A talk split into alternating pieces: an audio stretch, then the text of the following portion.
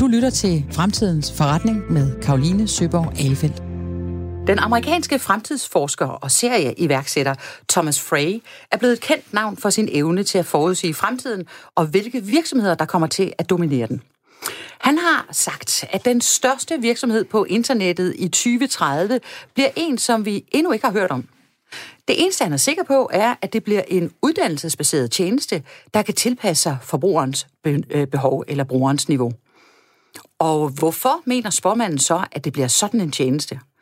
Det gør han, fordi man i fremtiden skal uddanne sig langt mere, end vi gør i dag, og igennem hele sin karriere. Det er slut med at tage en grunduddannelse, der ikke skal opdateres, og det er måske slut med kun at betjene én funktion gennem hele karrieren. Men hvad skal vi så lave i fremtiden? Og hvad skal vi ikke lave? Og hvad kan robotterne klare for os? Og hvilke job kan den kunstige intelligens klare? Hvilke kompetencer skal man have for at klare sig på fremtidens arbejdsmarked? Og skal vi være bekymrede for de mange jobs, der forsvinder? Og så det, som interesserer særligt øh, her i fremtidens forretning. Hvad er det for nogle virksomheder, som kommer til at tjene penge på omstillingen? Og kan Danmark blive eksperter i at lave uddannelsesteknologi? Er der en særlig plads til os? Det skal jeg i dag diskutere med Tasha Dam, som er uddannelsesdirektør i Area 9 Lyceum, der er en dansk, på trods af navnet, en dansk uddannelsesteknologivirksomhed. Så har vi besøg af Jesper Lilledal, som er øh, partner i Vækstfondens Venture Team. Der, blandt, øh, der investerer du blandt andet i uddannelsesteknologi, kunstig intelligens og den slags, og så er du jo bestyrelsesmedlem i Area 9 Lyceum. Og sidst men ikke mindst har vi Martin Søgaard, som er administrerende direktør for Deloitte i Norden. Velkommen til. Tak. Tak. Og mit navn er Karoline Søborg Alefeldt, og jeg tror på menneskets evne til at vende verdens udvikling. Martin Søgaard, øh, Deloitte, øh, der hvor du sidder, du har cirka 900 mand under dig her. Er det kun i Danmark, eller er det hele Norden? Det er kun i Danmark, øh, og det er for det, der hedder Deloitte Consulting. Så det er en del af Deloitte, og så har jeg også ansvaret for yderligere 900 i Norden. Sådan, så du har nok at se til. Og øh, dine 900 folk i Danmark og de øvrige 900 i Norden, I ved jo en hel masse om, hvad man skal kunne på fremtidens arbejdsmarked. Kan du fortælle lidt om, hvilke kompetencer, der bliver vigtige i fremtiden? Jamen, altså det vi kigger på, det er, at, øh, at, at de basale evner til at analysere og problemløse øh, er noget af det, vi, øh, vi tror på bliver helt afgørende øh, for de mennesker, som vi i hvert fald skal have ansat. I takt med, at, at der sker en klar automatisering af de mere, øh, skal man sige, repetitive øh, opgaver i hele samfundet, så bliver det, så bliver det super afgørende, at, øh, at de mennesker, som i dag har nogle af de opgaver, at de kommer til at løse nogle, nogle andre opgaver. Det stiller store krav til den type uddannelse, som vores øh, unge mennesker får, inden de kommer til os. Men det stiller også store krav til, øh, hvordan vi løbende sikrer, at vi skifter retning, når nye teknologier vinder ind, og nye øh, ways of working, so to speak, øh, vinder ind. Altså det der, man, man skal blive god til at kunne, eller det der vil blive efterspurgt af evnen til at kunne analysere og løse komplekse problemer. Ja, altså ja. Det, det vi jo ser øh, i øjeblikket i forhold til for 10 år siden, det er, at, at den forandringshastighed, øh, hvormed virksomhederne skal ændre øh, Øh, deres, øh, deres forretning for at møde nye kundeefterspørgseler, nye kundemønstre, øh, nye konkurrenter. Det gør, at man har ikke lige pludselig fem eller ti år til at omstille sig. Man skal hele tiden justere. Og det betyder, at de medarbejdere, som, som sidder med de her funktioner, de skal, de skal have et andet øh, kompetencesæt end bare de det, de var trænet i de sidste 17 år, inden de, øh, de stod med den her udfordring. Nu er jeg sikker på, at alle de lytter derude, der har børn, og selv øh, i øvrigt måske jeg har mange år tilbage på arbejdsmarkedet, øh, er nysgerrige for at høre, jamen, øh, hvad er det så for en uddannelse, man skal tage for at blive øh, efterspurgt på arbejdsmarkedet i for eksempel 2030? Jamen, jeg tror, jeg tror jo, at de digitale øh, og teknologiske kompetencer er, øh, er, er noget af det, hvor hvis man tager en uddannelse, som på en eller anden måde ikke færdiggør dig til at... Øh, at have et vist niveau inden for det, så, øh, så tror jeg, man har en udfordring. Så jeg tror ikke, man kan... Selvfølgelig er der, er der uddannelsesformer, som måske ikke er lige så øh, anvendelige om, om 10 øh, år. Men jeg tror, det er mere komponenterne i det. Jeg tror, det, som øh, er afgørende, det er, at man har den der kombination inden for vores fag af for eksempel forretningsforståelse og teknologi, hvor man før i tiden faktisk var opdelt. Så havde vi mennesker, som var super gode i processer og forretningsforståelse, og så havde vi mennesker, som var dygtige i alle mulige teknologier og IT. I dag smelter det sammen, og vi kan ikke, vi kan ikke bruge øh, fremtidens studenter, hvis de ikke har et relativt højt digitalt niveau. Så vi skal være gode til det der med computer, kan man sige. Nu har jeg læst en uh, undersøgelse, som uh, Deloitte har lavet, som, uh, hvis jeg husker ret, siger, at der er tre typer af kompetencer, som bliver særligt efterspurgt, når vi når frem til 2030. Og udover det, du har påvirket her, eller uh, nævnt her, som er uh, de digitale kompetencer, uh, så vil det også være social intelligens mm. og kreativitet. Kan du fortælle os lidt om det? Ja, det kan jeg godt. Ikke øh, udover, at, at analysen har vi, jo, øh, har vi jo lavet sammen med Krake, så jeg skal ikke, øh, jeg skal ikke kloge mig 100% på den. Men det vi kan se, øh, det er, at, øh, at når det er, at en række af de øh, opgaver, som vi før i tiden øh, havde vores folk til at lave, som vi i dag kan automatisere eller bruge øh, former for digitale værktøjer til at løse, så bliver interaktionen mellem mennesker lige pludselig super, super afgørende. Øh, og det at forstå, hvordan adfærdsmønstre mellem mennesker øh, fungerer, altså EQ'en i stedet for IQ'en. Det, EQ det, i stedet for IQ, hvad, ja, hvad betyder EQ? Altså det er den følelsesmæssige intelligens, og det at være i stand til at interagere med, med andre mennesker, den bliver mindst lige så vigtig øh, som det at have et en høj øh, matematisk intelligens, eller IQ. Øh, og, og hænger det sammen med, jeg har en tese om, hvorfor det hænger sådan sammen, Martin. Det vil jeg gerne lige øh, teste med dig. Handler det om, at øh, nu havde vi sidste uge et, en udsendelse om robotteknologi og kunstig intelligens, og det er jo helt vildt, hvad det betyder i forhold til at fortrænge os fra de opgaver, vi plejede at løse, fordi alt, hvad der kan blive automatiseret, vil blive automatiseret. Mm. Så betyder det, at øh, det, der er, om man så må sige, tilbage at lave, eller det, der bliver det spændende i fremtiden, det er alt det, man ikke kan få en computer til at lave. Altså, en computer er ikke socialt intelligent, og en computer er ikke kreativ. Det er jo i, i bund og grund rigtigt. Øh, og jeg tror årsagen til, at vi ikke skal være bange for, for du kan sige uh, Industry 4.0 eller 4.0, uh, det er jo, at der kommer nye, uh, der kommer nye opgaver til. Uh, det vi har set indtil nu, det er, at automatiseringen jo øger det samfundsudbytte, øh, vi har. Og det vil sige, at vi jo så at sige ved at automatisere skaber et større udbytte sammen. Og det vil sige, at de mennesker, som ikke længere laver det her, de kommer til at lave noget andet. Så vi skal ikke være bange for, at der ikke er nok at lave. Nu sagde du Industri 4.0. Ja. Øh, kan vide, om vi alle sammen ved, hvad det er? Men det er jo, øh, det er jo lige fra, øh, at det hele kommer til at ske op i skyen, det er til øh, Internet of Things, hvor dit køleskab selv kommer til at bestille dine madvarer, det er sensorer over det hele, som kan fortælle, når maskiner og pumper er på vej til at bryde sammen, og alle mulige andre ting, som jo gør, at vi, vi kan minimere behovet for, for manuel arbejdskraft på de her steder. Sådan. Jesper, øh, du sidder jo ude i øh, Vækstfonden og, øh, og kigger på nye investeringer. Og når du nu hører, at de mest efterspurgte kompetencer i fremtiden bliver tech-kompetencer og social intelligens og kreativitet, hvad tænker du så om det? Jamen, det er vi meget enige i, og vi prøver selvfølgelig at se på, hvad der er for nogle områder, vi kan investere i, som vil kunne nyde godt af den omstilling, vi forventer øh, komme. Øh, så vi prøver at se på de øh, trends, der er, og de, og de ændringer, der bliver i, øh, i verden fremadrettet, og hvad det er, vi kan forvente, at vi har nogle danske virksomheder, der kan byde ind med løsninger til, til det. Ja. Øhm, og, og det er jo for eksempel robotvirksomheder, som I snakkede med sidste øh, uge, og det er øh, uddannelsesteknologivirksomheder. Ja, fordi øh, i sidste uge havde vi Mir, øh, som er en af de store robotvirksomheder på, øh, på Fyn, som vist blev solgt for 1,7 milliarder kroner. Ja, det lyder rigtigt. Det, det er noget af den stil ja. der, ja. Og der kunne jeg forstå, at der har Vækstfonden jo også haft øh, øh, noget at, at skulle have sagt. Øhm, og, øh, og nu har I så investeret i øh, Area 9 øh, Lyceum, som er en teknologivirksomhed. Men lige før vi kommer derhen, så skal du lige fortælle os, hvad er Vækstfonden? Jamen, først skal jeg lige ret, vi, vi var ikke involveret i MIR, men uh, Thomas Visti uh, har vi arbejdet okay. meget sammen med før, i hans Sådan. tidligere selskab, ja. Universal Robots. Ja.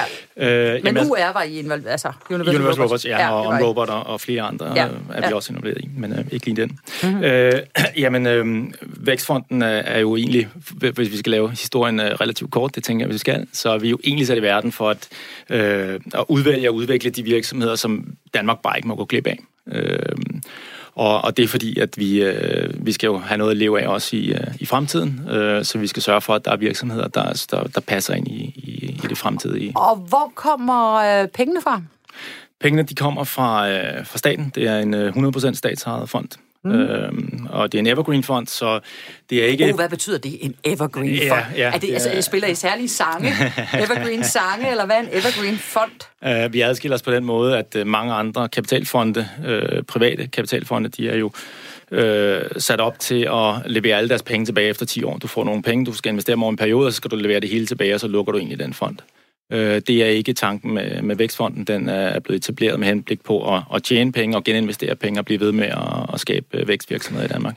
Øh, jeg har jo engang siddet i bestyrelsen for øh, Vækstfonden, og jeg øh, læste jo selvfølgelig så øh, formålsbeskrivelsen med Vækstfonden, og der står faktisk, at I skal generere samfundsøkonomisk overskud. Correct. Det er jo ikke helt det samme som privatøkonomisk overskud. Kan du forklare os, hvad Vækstfondens berettigelse er? Korrekt. Øh, du kan sige, at øh, en, en, en privat øh, kapitalfond har øh, nogle få aktionærer, som øh, er meget fokuseret på det, det finansielle afkast. Det er vi også i den forstand, at øh, hvis ikke vi får et finansielt afkast, så mister vi jo alle pengene, så kan vi jo ikke investere i mere. Øh, så selvfølgelig skal vi have et finansielt afkast. Øh, men vi har 6 millioner aktionærer, øh, modsat de private investorer. Øh, private fonde, undskyld. Og, øh, og de 6 millioner aktionærer, vi har, altså alle danskerne, er jo typisk optaget af andet og mere, end at der lige kommer 50 millioner eller 100 millioner kroner tilbage. Øh, de er mere optaget af, at du får skabt en Universal Robots på Fyn, som er med til at bygge en hel øh, robotkloster, som er med til at skabe en masse arbejdspladser på Fyn. Øh, så, så det er det, vi mener med, at den sociale kapital rækker langt ud over den, øh, den økonomiske. Kunne man også sige, at Vækstfonden går ind og støtter og investerer steder, hvor de private måske ikke vil gå ind? Ja, det, det gør vi jo så typisk. Øh, vi måske... Øh, vi har jo flere ben i Vækstfonden. Lånforretning går typisk ind der, hvor bankerne lige, øh, lige tøver lidt. Vores egenkapitalsinvesteringer, som vi, vi, øh, vi investerer i, for eksempel EdTech og robotindustri, går måske ind i, øh, i industrier, hvor det er lige før de andre går ind i det. Øh, eller øh, måske lidt mere hardware-præget investeringer har vi også typisk lavet, som øh, private heller ikke øh, gør i samme omfang i hvert fald. Mm-hmm. Det lyder spændende, og uh, I har så også valgt at uh, investere i Area 9 uh, øh, Lyceum. Øh, hvad var det, du ikke, eller I ikke kunne stå for, da, da I blev præsenteret for den mulighed?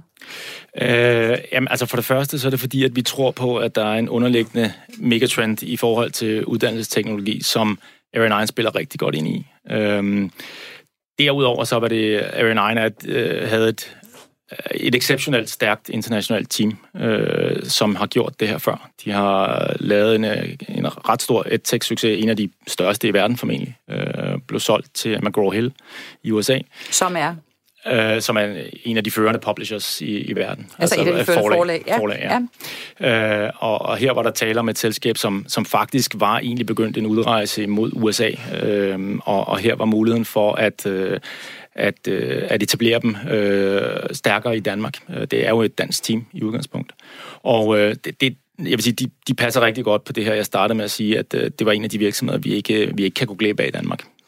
Og det kan vi ikke, fordi at de passer også godt ind i det billede, som øh, Martin Søgaard og Deloitte har tegnet af, hvad det er for nogle kompetencer, vi får brug for i fremtiden.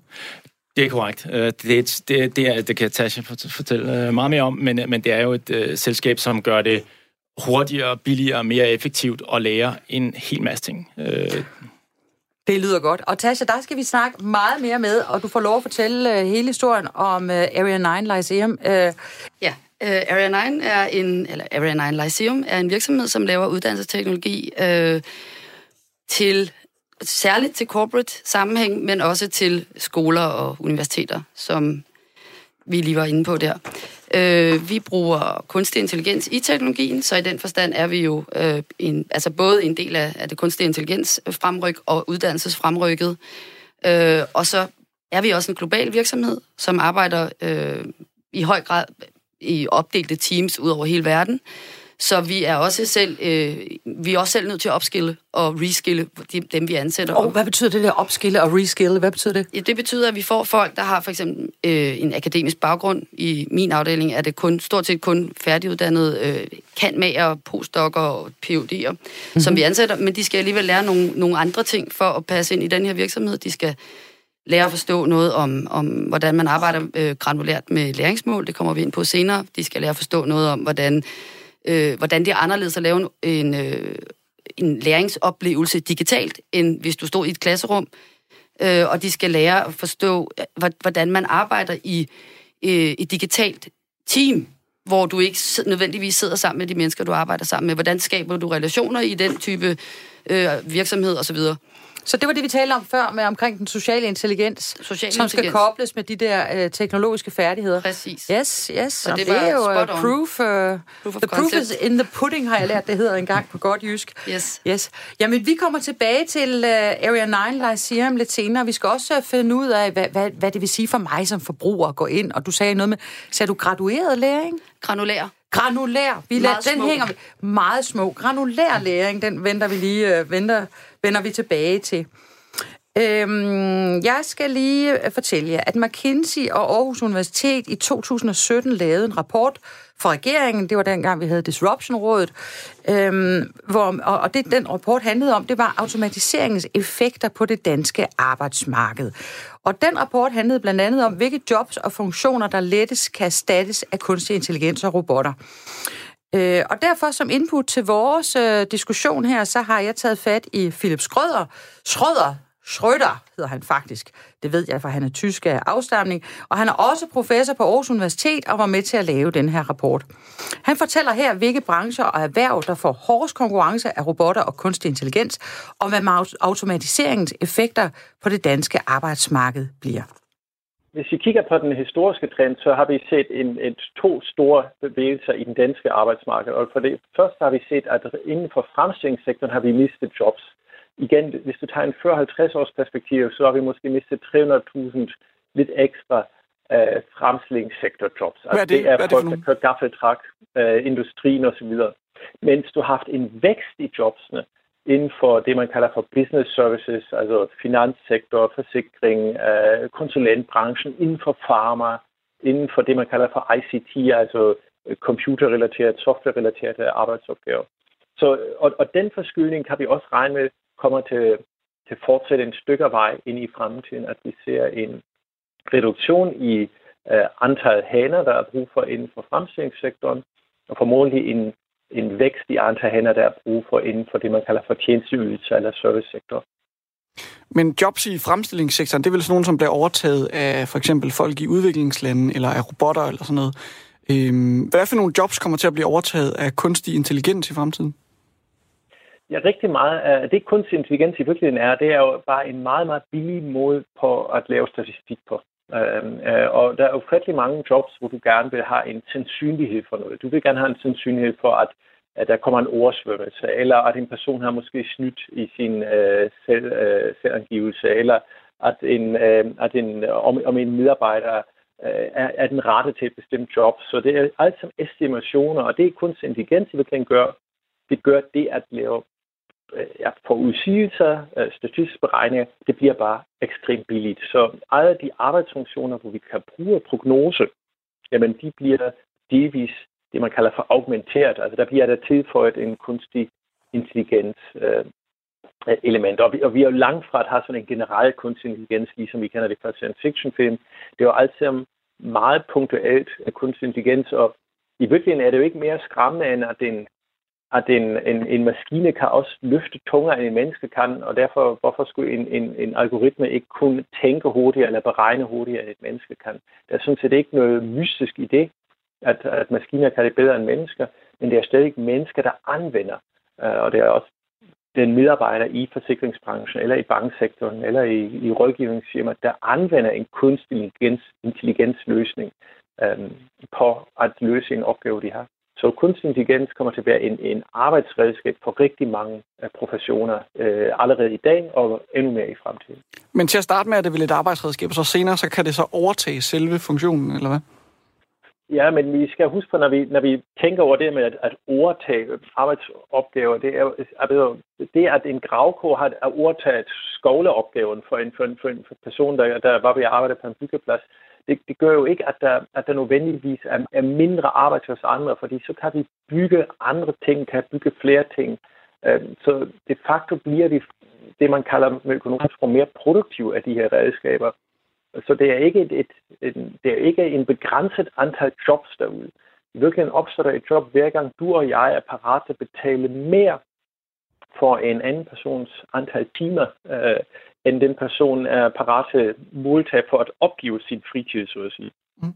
Så, så det her med, at vi, at vi løber tør for jobs, det, det er sådan set en misforståelse. Nærmest tværtimod, i takt med, at jeg får bedre værktøj, ja, så kan jeg skabe flere værdier, flere rådgivningsydelser, og, øh, og derfor er sandsynligheden for, at jeg, at jeg kommer i job, at der er nogen, der efterspørger mine evner, at den stiger faktisk. Hvilke jobs skal mennesker blive ved med at, at betjene? Jeg tror, hvis vi... Øh, det vi faktisk har gjort i, i vores analyser, vi prøvet at, prøvet at øh, kategorisere, hvad er der nemt at automatisere, og hvad er svært at automatisere. Fordi det er det, du bruger for at kunne beregne sandsynligheden for, at en givet arbejdsopgave i fremtiden bliver øh, løst maskinelt eller med algoritmer, eller om den bliver fortsat løst af, af menneskelig arbejdskraft. Og, øh, og, og en af de ting, hvor, øh, hvor, som er forholdsvis svært at organisere, ikke umuligt, det er øh, sådan noget som, øh, man kalder det for kritisk tænkning, øh, øh, hvor du sådan set skal kontekst forstå. Øh, og det, mens det er relativt nemt for en maskine at lave, øh, det har I set eksempler på, altså hvordan barberer ansigtsudtryk og at læse emotioner i, i folks ansigtsudtryk, det kan du faktisk, en algoritme kan trænes til at gøre det øh, øh, rigtig godt, øh, bedre end nogle mennesker. Men, men at forstå kontekst, hvorfor er den her person ked af det, eller hvorfor bliver den her person glad, øh, jamen, det er en, en dybt menneskelig egenskab, og det vil jeg i mange jobs kunne bruge. Så lidt for enkelt sagt, der hvor mennesker kommer til at have deres fremtidige spidskompetence, det er i arbejdssituationer, der indebærer øh, uforudsigelighed. Altså ting, der ikke sker inden for norm, altså hvor der sker noget overraskende, øh, og hvor der er menneske-menneske-kontakt. Øh, klassisk eksempel er alt inden for uddannelsessektoren. Øh, tager, der børnehavepædagog som en klassisk eksempel ekstremt svært at forestille sig, at det nogensinde bliver automatiseret. Øh, ikke mindst fordi kunderne nok ikke vil bryde sig om det, men også fordi de har det element af uforudsigelighed, og det er der menneske-menneske-kontakt. Har du til gengæld et job, som er meget, hvor du kan kodificere, hvis jeg kan skrive alle mine arbejdsopgaver ned øh, i, i, i små detaljerede punkter og forklare dem til en piccoline i morgen, så at, at han eller hun kan gå i gang med det, så kan jeg være sikker på, at den del af mit job, at den kommer nok til en maskine til at gøre om 10 år. Martin, øh, hvad siger du til øh, Philip Schröders øh, budskab? Er du bekymret eller optimistisk? Jeg er meget, meget optimistisk, og øh, han er meget spot on.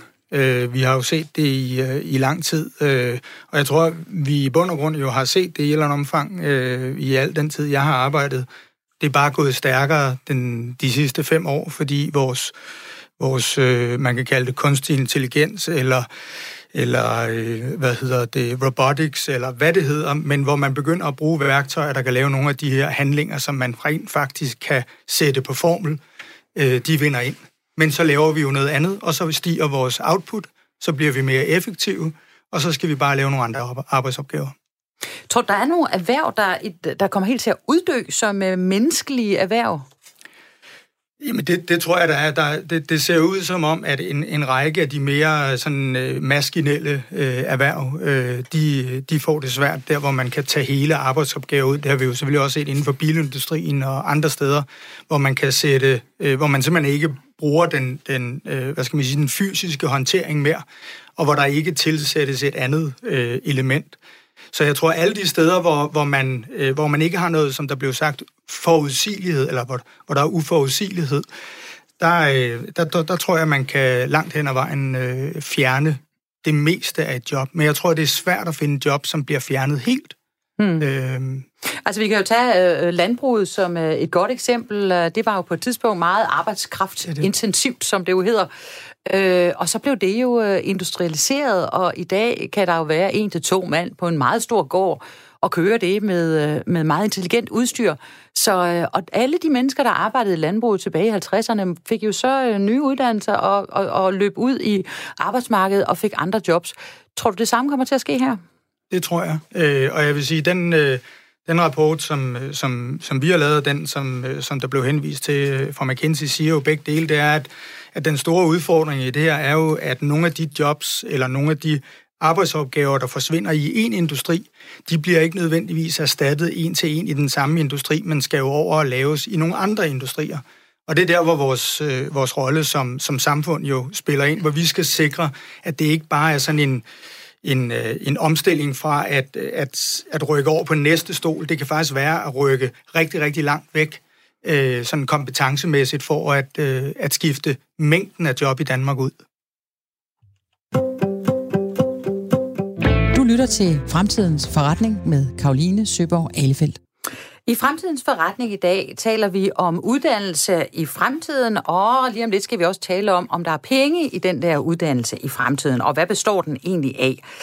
Øh, men lad mig lige reintroducere vores øh, gode panel. Det består af Martin Søgaard, som er nordisk direktør for Deloitte Consulting. Så har vi Jesper Lilledag, som er øh, venturepartner hos øh, Vækstfonden. Og sidst men ikke mindst har vi Tasha Dam, som er uddannelsesdirektør hos Area 9 Lyceum, som vi nu skal lytte meget mere til og høre om, hvordan er det, den der fremtid kommer til at se ud. Fordi nu skal vi kigge på, hvordan er det samfundet og virksomhederne kommer til at følge med den udvikling, vi lige har skitseret. Hvis vi nu skal starte helt overordnet, hvorfor er det så en god idé at videreuddanne sine medarbejdere, Tasha? Ja, men det er det jo, fordi øh, de folk, vi får ud fra uddannelserne eller fra andre jobs, øh, ikke nødvendigvis har det, den viden og de kompetencer, de skal have for at blive effektive på, på det nye job, de starter på. Sådan. Og, ja. ja, ja. Skal vi øh, uddanne os mindre, før vi starter på arbejdsmarkedet? Det, altså det, det synes jeg, det er ikke en overbevisning, jeg har. Øh, jeg tror sådan set, at... Øh, at den lange uddannelse er stadigvæk vigtig. Jeg ved ikke, måske ikke for evigt, men et langt stykke tid endnu, fordi den, den giver nogle andre ting end det øh, reskilling og opskilling, som vi kalder det, altså når man efteruddanner øh, i små bidder. Øh, det, det, det kan gøre. Det er ligesom to forskellige ting. Jeg synes stadigvæk, at folk, øh, jeg synes, jeg er overbevist om, at det er en god idé, at, at vi stadigvæk uddanner i hvert fald bachelorer og også kan mager og alle mulige andre typer uddannelse. Vi skal bare være øh, forstå, at i det øjeblik, du er færdiguddannet, er du ikke færdig med at uddanne dig.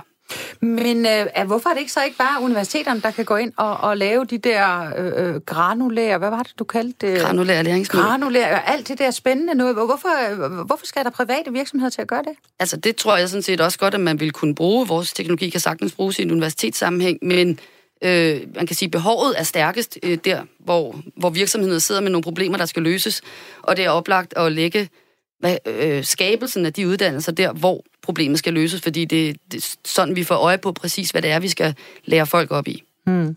Og nu tror jeg, at tidspunktet er kommet til, at du skal forklare os lidt om, hvad det der granulær læring er. Ja. Vores teknologi er, altså der er jo mange uddannelsesteknologier derude, men vores er lidt specielt på det område, at den er bygget op omkring en ryggrad af meget granulære læringsmål, som... Altså læringsmål, der er meget små, er det det, ja, vi skal det er forstå? både små og målbare i okay. et eller andet omfang. Kunne du give et eksempel? Øh, ja, det kunne jeg godt. For eksempel, at øh, du skal kunne skelne mellem RDA og RPA. Nu sidder vi her med at tale om robotics, så to, to forskellige måder at lave automatisering på. Øh, og det er et læringsmål, at dine medarbejdere kan skelne mellem disse to former for... RDA og RPA, ja, ja. som er nogle spændende forkortelser. Robotics, øh, desktop øh, automation, yes, tror jeg, det ja, er for. Det er ikke? Fint. Ja. Jeg skulle bare lige slå det fast. Ja, øhm, det skal vi lære at skelne men det kan være et læringsmål. Ja. Det kan være øh, et, hvad kan man sige, et fundamentalt læringsmål i forhold til at blive bedre til at øh, genkende situationer, hvor du skal bruge det ene eller det andet i dit arbejdsliv. Hvis du gerne vil have medarbejderne ombord på den her automatiseringsproces, det kan være en god idé. Øh, og det er så et lille stramt læringsmål, vi øh, lægger ind i vores teknologi, og så laver vi nogle øvelser, som øh, underviser i det, og så laver vi nogle måder at spørge på, så vi kan finde ud af, om den brugeren har lært det, de skal kunne. Og fordi vi bygger det så granulært og øh, hvad kan man sige, simpelt op, kan vores teknologi få et billede af, hvad brugeren kan som man ikke ville kunne, hvis man bare sendte dem en PowerPoint-slide, en serie PowerPoints, og så sad de og læste det, og så bagefter tog de måske en 3-4 test spørgsmål, og så øh, var de ude af systemet er, igen. Er det fordi, nu spørger jeg bare nysgerrig, er det fordi, man måler, hvor lang tids øh, responstid har man? Altså, hvor lang tid tager det en om at svare på noget? Hvor mange gange svarer man forkert? Eller er det sådan noget, øh, I måler på? Ja? Altså, vi måler både på, hvor lang tid det tager dig at svare, og om du svarer rigtigt første, anden eller tredje gang. Vi måler også på, hvor, hvor god du er til at vurdere, om du ved det, du ved. Øh, fordi vi har nogle gradueringer af det også. Og alle de her ting går så ind. Men det allervigtigste er, at vi vores system ved, hvad det er, vi har spurgt den øh, studerende om i det øjeblik, og hvis ikke de kan svare på det, eller hvis de har svært ved det, så kan vi give dem hjælp på det rigtige tidspunkt. Vi kan give dem en læringsressource, vi kan give dem en video, der underviser i det igen, vi kan give dem en meget lille øh, forklaring, som måske hjælper dem videre. Men det handler simpelthen om hele tiden, at der ikke er nogen, der sidder med manglende øh, klodser nederst i bygningen af deres ja. forståelse af et område. Ja, så man, man skal ligesom bygge en trappe nedefra første første trin, så det andet trin og sådan noget. På den ene side, ja. Og ja. på den anden side, så er det ikke sådan, at vi altid nødvendigvis skrider helt lineært frem, fordi det, det gør vores teknologi ikke. Men øh, vi har alligevel en forståelse af, hvad er det fundamentale, og hvornår skal vi spørge ind til det, og hvornår skal vi arbejde videre på det, og hvornår kan vi sende folk videre til noget, der er mere vanskeligt, noget helt andet, osv. I virkeligheden lyder det som om, at I har automatiseret en virkelig god en-til-en relation. Det er altså, lige præcis det. Hvis jeg nu havde min egen lærer, i stedet for at jeg skulle sidde i et klasselokale med 28 klassekammerater, som nogen kigger ud af vinduet, og nogen er optaget af at, og, øh, og kigge i en bog, de ikke skulle læse i timen osv.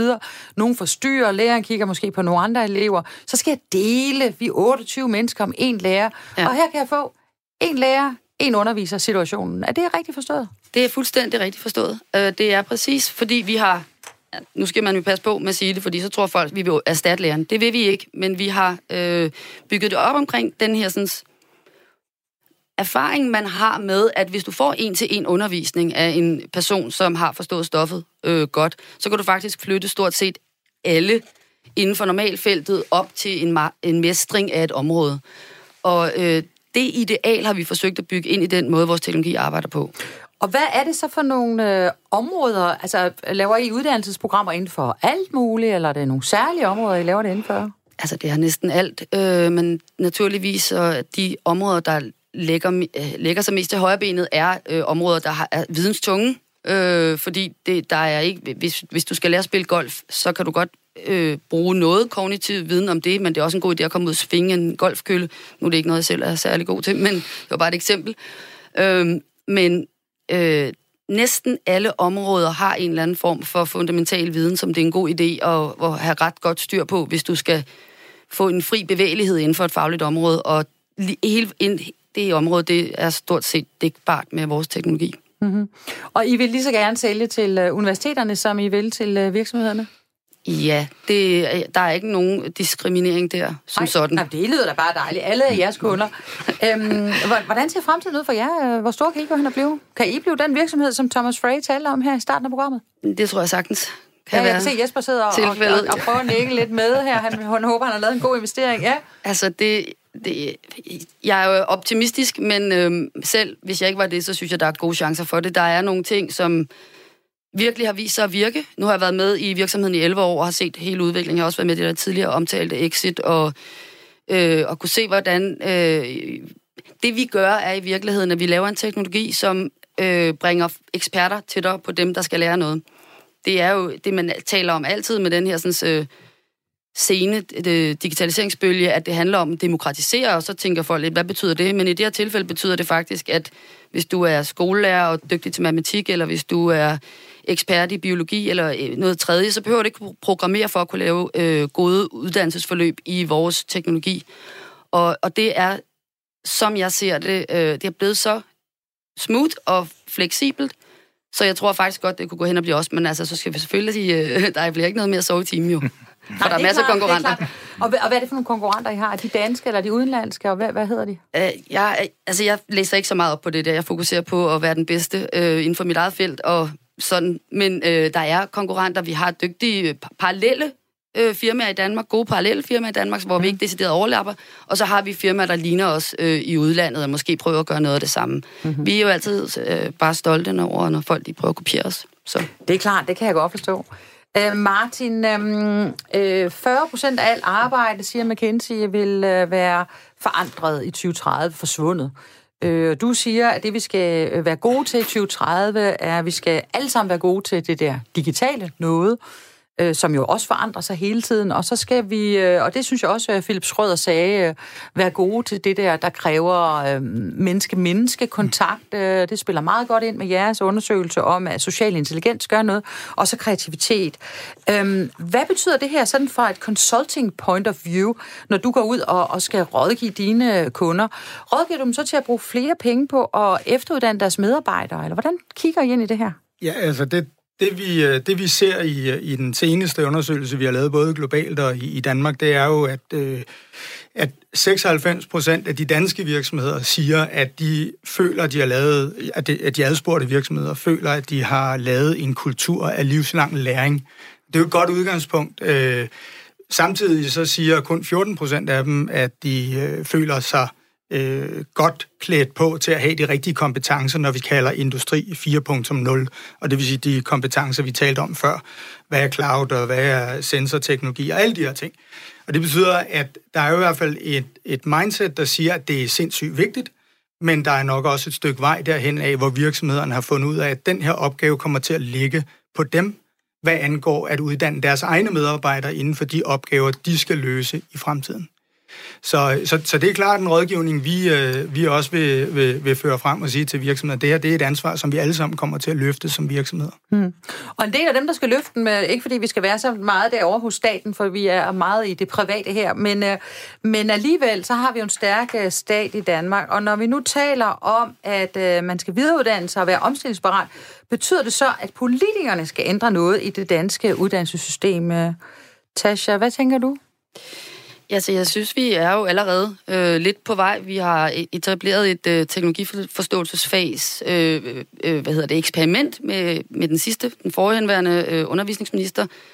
Øh, og der, øh, jeg har været siddet med den gruppe, der har arbejdet med den, så derfor så kender jeg den øh, ret godt, og der er mange af de ting, vi taler om her, er, er sådan set en del af det, at man prøver på at kigge på teknologi som en, altså en grundskill på, på niveau med læse, skrive, regne osv., Øh, der tror jeg, at vi kommer et godt stykke af vejen. Jeg synes også, at, at det danske skolesystem generelt er faktisk ret gode til at, at uddanne øh, i retning af de ting, der kommer til at blive øh, moderne og øh, vigtige at kunne i fremtiden. Øh, så jeg tror egentlig, vi er meget godt med, men altså, det skal man selvfølgelig altid passe på med. Og, ja.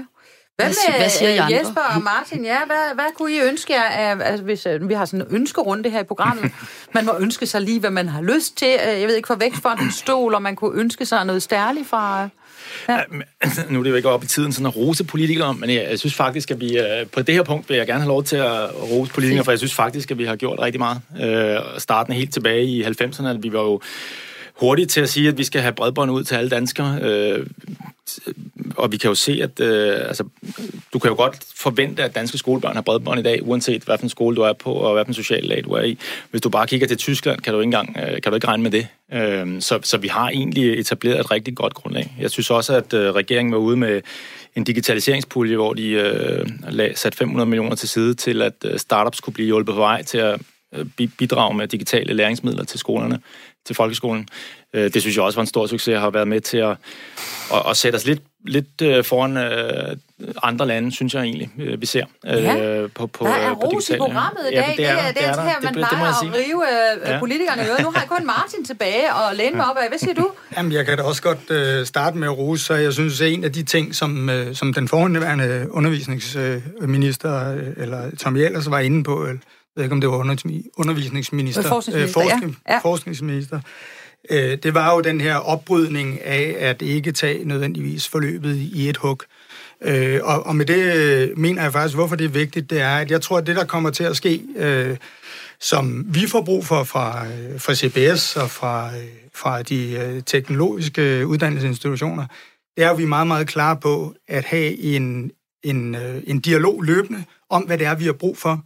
Fordi førhen, der tror jeg, at et læringsforløb kunne holde i 10-20 år, og det var det samme, vi underviste i. Jeg er bange for, at hvis vi ikke øh, har en løbende dialog, så, øh, så i løbet af en femårig øh, øh, øh, uddannelseshorisont for en, en, en kandidatgrad, så kan man lige pludselig stå med noget viden, som måske ikke er lige så relevant som det, vi har brug for. Så jeg tror, at den bliver meget mere agil, den måde, vi skal, vi skal tilpasse vores videregående uddannelser. Og der tror jeg, at uddannelsesinstitutionerne og virksomhederne har et kæmpe Øh, øh, ansvar sammen for at få det der til at fungere øh, mere agilt. Du lytter til Fremtidens Forretning med Karoline Søborg Alefeldt. Ja, altså nu er vi kommet til den del af programmet, hvor vi skal tale lidt om, hvordan vi kommer til at tjene penge på den der fremtid. Og det, øh, det jeg har lært indtil nu, det er, at øh, de vigtigste kompetencer i fremtiden, det bliver noget med tech, og så bliver det alt det, der handler om det særlige menneskelige, altså det, vi ikke kan automatisere. Øh, det vil sige social intelligens, og Martin var inde på evnen til at analysere og øh, problemløse, øhm, og så bliver det kreativitet. Det lyder spændende. Og samtidig så er det lidt svært at sige, hvad for nogle jobs, der bliver de største og mest interessante i 2030, fordi der kommer til at ske så stærk en udvikling i løbet af de næste år. Og det betyder jo, at øh, hvis der er noget som helst, vi kan trække ud af det her, så er det, at vi alle sammen skal på skolebænken meget mere, end vi nogensinde har været. Og øh, som Tasha var inde på før, så skal det nok ikke foregå på den måde, at vi først tager en uddannelse, og dernæst en anden uddannelse, og så tror, vi kan være 40 år på arbejdsmarkedet, men at det bliver sådan at man tager en eller anden form for bachelor for eksempel, og så skal man konstant efter videreuddannes øh, derude. Er det sådan, du tror, det bliver øh, i 2030, Tasha? Mm, nu er der 10 år til 2030. Ja, det kunne sådan set sagtens øh, være allerede til den tid. Jeg vil også lige skynde mig at sige, at jeg mener stadigvæk også godt, at man kan tage den helt fulde lange uddannelse. Jeg synes, det er en god point, du siger med, at det, at det er godt, det er blevet en mulighed, det er blevet brudt op, fordi man, hvis man er meget erhvervsrettet i sin interesse, så kan man komme ud og få en fornemmelse af, hvad er der for nogle problemer, jeg skal ud og løse, og så kan man så øh, rette sin uddannelse ind på det efter, hvis man vil efteruddannelse eller færdiguddannelse på universitetet. Jeg mener også, der bliver brug for dem, der har den lange faglighed, øh, fordi det er en anden form for øh, forståelse af et stof og et fagområde, og det, som øh, Schrøder var inde på, det med kontekst. Altså, du, du bygger en forståelse og en intuition omkring at, for, at se kontekst og fange kontekst hurtigt, ved også at virkelig blive utrolig stærk i et stofområde. Så jeg vil sige, det er mere et spørgsmål om, der bliver utrolig mange forskellige måder at uddanne sig på, øh, på, den, på, på længere sigt. Det bliver ikke kun bachelor og så ud- og efteruddannelser, det bliver også de lange uddannelser, der bliver også stadig folk, der tager PUD'er og så videre. Øh, så det er fleksibiliteten i hele uddannelsesområdet, jeg synes, der er vigtigt at, at tale frem. Hmm. Jeg får sådan et billede ind i mit hoved af, at hvis jeg skal efter videreuddanne mig øh, resten af mit liv, og jeg kigger på mine børn og tænker, at de kommer til at leve i det der hele tiden, så skal man gøre det der efter videreuddannelse super, super interessant. Faktisk skal man kunne lave det så spændende, at hvis jeg skal bruge en hel dag om ugen på efter videreuddanne mig, så skal det kunne konkurrere med tjenester som for eksempel Netflix. Altså jeg forestiller mig, når jeg skal fortolke Thomas Frey og den der verdens øh, mest interessante uddannelsestjeneste på nettet 2030, så er det en virksomhed, som har lavet noget, der er lige så spændende, lige så lækkert, som når Netflix øh, arrangerer eller øh, sender en ny øh, serie ud. Altså sådan, når jeg ligger hjemme i sofaen med benene op på sædet, så i stedet for at vælge at se The Crown eller The Education, eller hvad der nu ellers kører derude nu, så tænker jeg, ej, jeg tager lige noget granulær læring. Jesper, er det den slags, øh, er det den slags øh, øh, hvad hedder det, investeringer, som du godt kunne tænke dig at lave?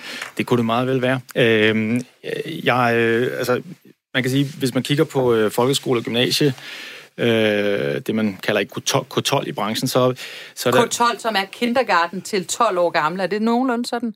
Ja, ja, det, det ja, men nej, undskyld, nej, nej, nej, nej undskyld. Til, ikke, nej, til, det er til gymnasiet, det, det er til 12. klasse trin. Nå, det er til 12. Øh, ja, ja, ja. Dammit, jeg troede lige, jeg kunne det der. Altså, nej. nå. Yes, ja. men, øh, men øh, hvis man ser på dem, så tror jeg, der, at rammerne er egentlig sat relativt fast, så, så, så, så de der sådan helt store transformerende øh, løsninger, tror jeg vil være svært der. Der er det mere et spørgsmål at få skabt noget, noget sjov for børnene. Men der kan vi så se, at øh, de løsninger, som børnene synes er sjov, er jo også det, de arbejder med, og også det, de lærer en masse af. Øh, men øh, hvis vi kigger på, på corporate-verdenen, så, øh, så har den jo til at begynde med egentlig kopieret det oplæg, der, der var fra, fra folkeskole og gymnasiet. Altså, at hvis du skal lære noget i, i arbejdssammenhæng, så kommer du på et kursus sammen med, med 20 andre, og, og I får leveret noget kursusmateriale, og I får gennemgået det, og så tager I hjem igen. Øh, der tror jeg, at, øh, kvæg, at det her bliver et meget, meget mere øh, væsentligt område going forward, og der skal bruges meget mere tid på det, så bliver det også meget, meget dyrere, og derfor vil virksomhederne lede efter løsninger, som er, er billigere og mere effektive øh, til at levere den her læring til deres medarbejdere. Øh, og der er det klart, at øh, løsninger, som er sjove, og øh, det er jo også nogle, som folk engagerer sig i, og, og typisk i hvert fald noget, som man, man øh, lærer hurtigere af. Øh, så, så ja, det kunne det sagtens være. Mm. Øh, og jeg tænker, Area 9 godt kunne være kandidat til sådan en type virksomhed. Det er vel derfor, I har investeret i den? Øh, ja, det kunne det godt. Jeg ved ikke, om det, er sjovt at sidde og, og køre i deres øh, løsninger. Det kan men, det jo blive, øh, tænker jeg. Ja. men det er i hvert fald hurtigere, ja. øh, og øh, du lærer dit stof. Øh, du, du, du slipper for at bruge tid på de områder af stoffet, som du allerede ved noget om, øh, og så får du fokuseret på, på de områder, som du ved noget om. Øh, undskyld, som du ikke ved noget om. Øh, og dermed lærer du det, lærer du det hurtigere. Mm-hmm. Øh, ja. Tasha, markere. Ja, jeg vil gerne markere, fordi man kan sige, at sjovt er netop et lidt problematisk udtryk at bruge den her sammenhæng, men engagerende er et kodeord, og der sker simpelthen det... Når du siger, det er et lidt problematisk udtryk, så lyder det som om, du siger, at det er faktisk ikke sjovt. Nej, jeg siger ikke, det ikke er sjovt, Nej, men jeg okay. siger, at sjovt kan være mange ting, ja. og det, det er sjovt på en anden måde, fordi du kommer ikke til at lære noget, hvis ikke du er øh, committed ja. og engageret, og det vil sige, hvis du, du, du kan ikke på den måde sidestille det med Netflix. Øh, der, er, der er nogle andre ting, der gør, at det er interessant nok og relevant nok øh, til, at du vil deltage i, i uddannelse. Og det er der, der er så vigtigt at lave ikke bare sådan noget off-shelf uddannelse, som bare er bla bla bla altså, derude, og man skal lære ja, det samme som alle de andre, men som, er, ja. men som er fuldstændig målrettet til, til virksomheden, til de problemer, man skal lære at løse, til den hverdag, man står i, at det bliver integreret med den hverdag, man står i, at det skaber et øh, fælles sprog med de andre ansatte, hvor man, hvor man er, så man kan tale med hurtigt, man bliver hurtigt kvalificeret til at tage beslutninger, man, altså, det er hele, det, det, det er hele den motivation, der ligger i øh, den måde, vi laver uddannelse på hos os, og jeg kan se med, med dem, jeg bruger det på, at de kommer faktisk øh, tilbage og siger, har du ikke nogen flere kurser, for jeg kan også godt tænke mig lige at lære det der og det der. Og nogle gange må jeg sige, men det har jeg ikke noget at lave nu. Altså, fordi... Det er jo herligt, når ja, der er sådan en efterspørgsel. Ja. Men ja. det er ikke sjovt på den måde. Det er simpelthen øh, spændende. Ja. Altså på en, anden, øh, ja. på en anden konto, ikke? Ja, spændende. Synes jeg også, det er. Ja, det synes jeg. øhm, Jesper, jeg skal lige lidt tilbage til uh, forretningsmodellen det her, fordi du sidder jo i bestyrelsen for Area 9 uh, Lyceum, øhm, fordi Vækstfonden har investeret, Øhm, øh, kan du fortælle os, hvordan kommer I til at tjene penge på den investering? Øh, jamen, øh, det gør vi jo forhåbentlig ved, at øh, Area 9 får øh, rigtig mange glade og tilfredse kunder, som vælger at, øh, at bruge Area 9's platform til at levere øh, den her træning til deres, øh, til deres medarbejdere. Øh, Øh, og, og det vil jo så skabe øh, muligheder på sigt til, at øh, selskabet kan enten øh, blive børsnoteret eller, eller, eller solgt til en, til en endnu større virksomhed. Øh, det er ikke det, vi øh, fokuserer på lige nu. Altså lige nu er det, øh, ligesom vi gør med alle vores porteføljeselskaber, så er det egentlig at, at udvikle det til det, til det, til det bedst mulige, og, og så øh, skal de muligheder nok komme for at tjene penge senere hen. Og har I investeret i andre øh, uddannelsesteknologivirksomheder? Det har vi. Øh, indtil flere. Øh, det er et område, som, øh, som er en styrkeposition for Danmark. Øh, kvæg nogle af de ting, jeg sagde før i forhold til digitalisering og i øvrigt hele vores tilgang til læring, altså det er jo gratis at gå i skole herhjemme, vi har masser af PhD, du kan tage, du får penge for at læse Ph.D. Øh, der er rigtig mange det, ting, der er Det gør man ikke over ret, hele verden. Det gør man absolut Skal ikke. vi lige gøre det gør man bestemt lytterne opmærksom på, ja. Øh, så læring er virkelig højt prioriteret. Øh, og øh, så, så, så, så vi ser rigtig mange startups, og, og, og vi har investeret i øh, for eksempel EduLab, der laver, der laver matematikfæsser til, til folkeskolen. Vi er EduLab? EduLab. Åh, oh, ja, ja, ja. Matematikfæsser, øh, ja.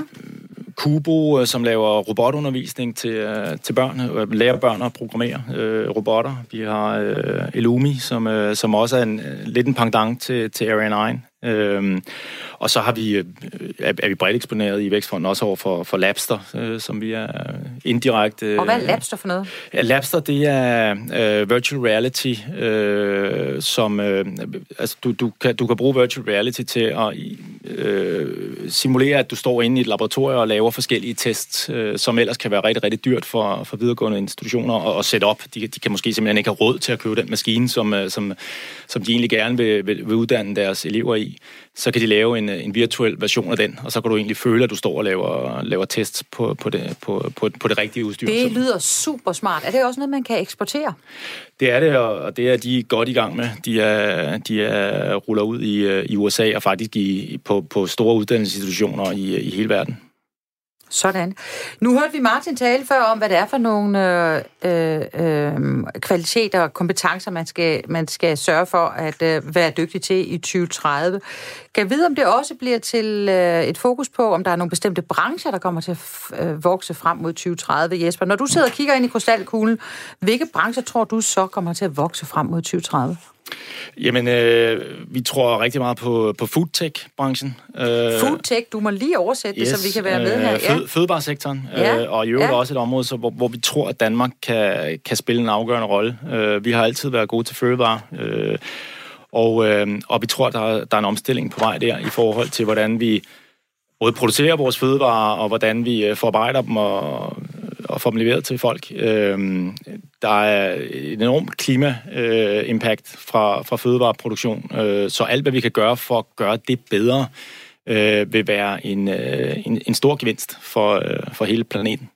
Øh. Så foodtech, ja. Og er der andre brancher, ja, der kommer til altså, at vokse? Hvis, hvis vi skal tage dem alle sammen, så har vi, eller øh, nogle af dem, så, ja, ja. så er robotics er selvfølgelig den anden, øh, ja. som vi øh, har en særlig forkærlighed for. Yes, I har også været med til at finansiere det kloster, der er kommet på Fyn. Ja, ja. Øh, og så altså, i, i dansk sammenhæng tror vi virkelig også på, at, øh, at uddannelsesteknologi er, er en af de brancher, som vi kan faktisk samle en, en, en større skare selskaber, der kan, der kan levere en masse til. Det var godt. Du fik lov for tre her. Den, det var foodtech, robotics og uddannelsesteknologi. Jeg ved godt, du har mange hvis jeg flere, vælge tre, ja. hvis du skulle vælge tre. Ja. Martin, øh, hvad tænker du i Deloitte? Øh, hvilke brancher kommer til at vokse øh, frem mod 2030?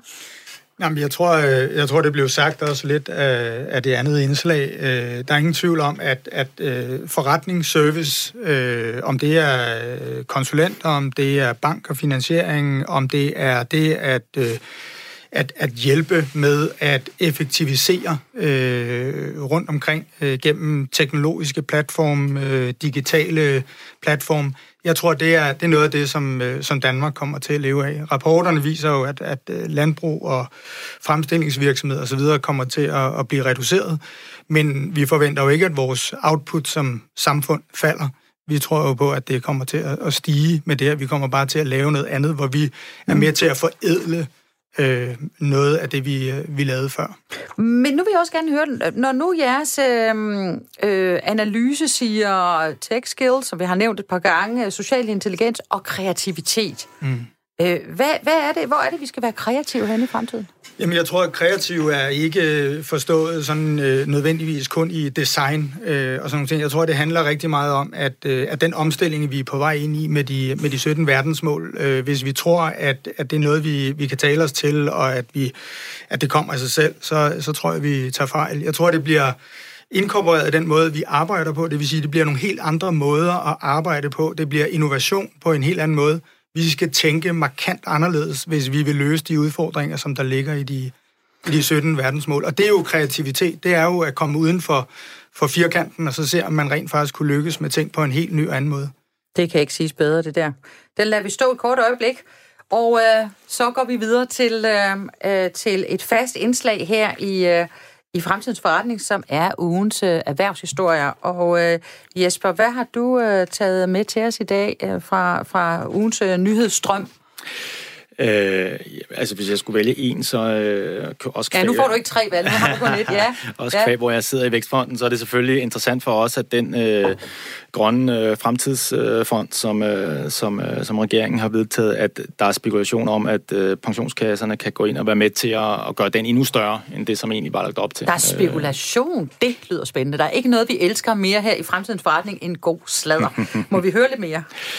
Jamen altså, der er jo, øh, regeringen har jo sat en, øh, en stor øh, sum til side, som skal investeres i, øh, i initiativer, der kan hjælpe milliarder? 25 milliarder, mm. hvor at, øh, de 10 milliarder øh, skal investeres via, via Vækstfonden og Danmarks Det er fire til øh, Vækstfonden og seks til den øh, grønne investeringsfond. Det er korrekt, ja, det er korrekt. Øh, og det er klart, at, allerede for det kan vi jo øh, søsætte rigtig mange penge. danske ja. initiativer, ja. Og, øh, og hvis det beløb oven i købet kan blive fordoblet, så øh, kan vi øh, komme rigtig langt ud i forhold til danske iværksættere. Og det er ikke noget, du har læst i en vis, det er noget, du har hørt på vandrørene? Det har jeg læst i en avis, heldigvis. Det har du læst i en avis, og mere, ja. mere okay, det er godt. Og hvor meget vil de gå ind og, øh, og forøge beløbet ja, der, med? Der, der, der er jo spekulationer om, at, at, at det, kunne, det beløb kunne blive fordoblet. Det kunne blive fordoblet. Det synes jeg lyder som en meget god nyhed. Martin øh, Søgaard, hvad har du taget med til os fra Nyhedsstrømmen? Jamen, øh, jeg sad faktisk også og kiggede på, på den, du, øh, du nævnte, og kiggede faktisk ned over en række artikler, hvor jeg tænkte, det er da helt fantastisk, så meget øh, bæredygtighed, der rent faktisk var i, øh, i den her uge. Jeg faldt over Mette Lykkes øh, artikel om, om FN-mål som magnet for talenter. Øh, årsagen til, at jeg gjorde det, det var, at... Øh, at vinklen på det, det, det, er en, det er en del, vi ikke har talt om her, det, men, men hele, hele det der med at have et formål med at gå på arbejde, et purpose, udover at, øh, hvad det er, man teknisk laver, det er, det, er en, det er en drejning, som vi kan se, det ligger i alt, hvad vi laver. Vi er simpelthen nødt til at kunne bevise, hvordan vi, vi spiller inden for skiven, so to speak. Ja, og det er jo en, en super, super vigtig øh, pointe, som er godt at få med her på øh, falderæbet, at øh, når vi kigger på den unge generation, som vi jo nu har lært skal efter videreuddannes, Øhm, og, og det skal man bruge øh, teknologi til, blandt andet Area 9, Lyceums øh, teknologi, så er det, der driver, det er, at man kan se et formål med den, øh, det arbejde, man har meget, meget mere end tidligere generationer. Det tror jeg, vi kommer til at øh, dedikere et helt øh, program til. Men nu er vi desværre ved at nå frem til, øh, til slutningen af, af programmet. Øh, jeg vil gerne sige tak for, øh, for jeres øh, indsats øh, her i dag. Tak til øh, mine gæster. Programmet her kan genhøres i aften kl. 19.05 på Radio 4 eller på podcast. Og ellers er jeg tilbage på næste torsdag med et nyt program, der stiller skarpt på erhvervslivets arbejde med FN's verdensmål for bæredygtig udvikling. Mit navn er Karoline Søborg Alefeldt. I redaktionen er Rasmus Søgaard og Lene Jul. Tak for i dag.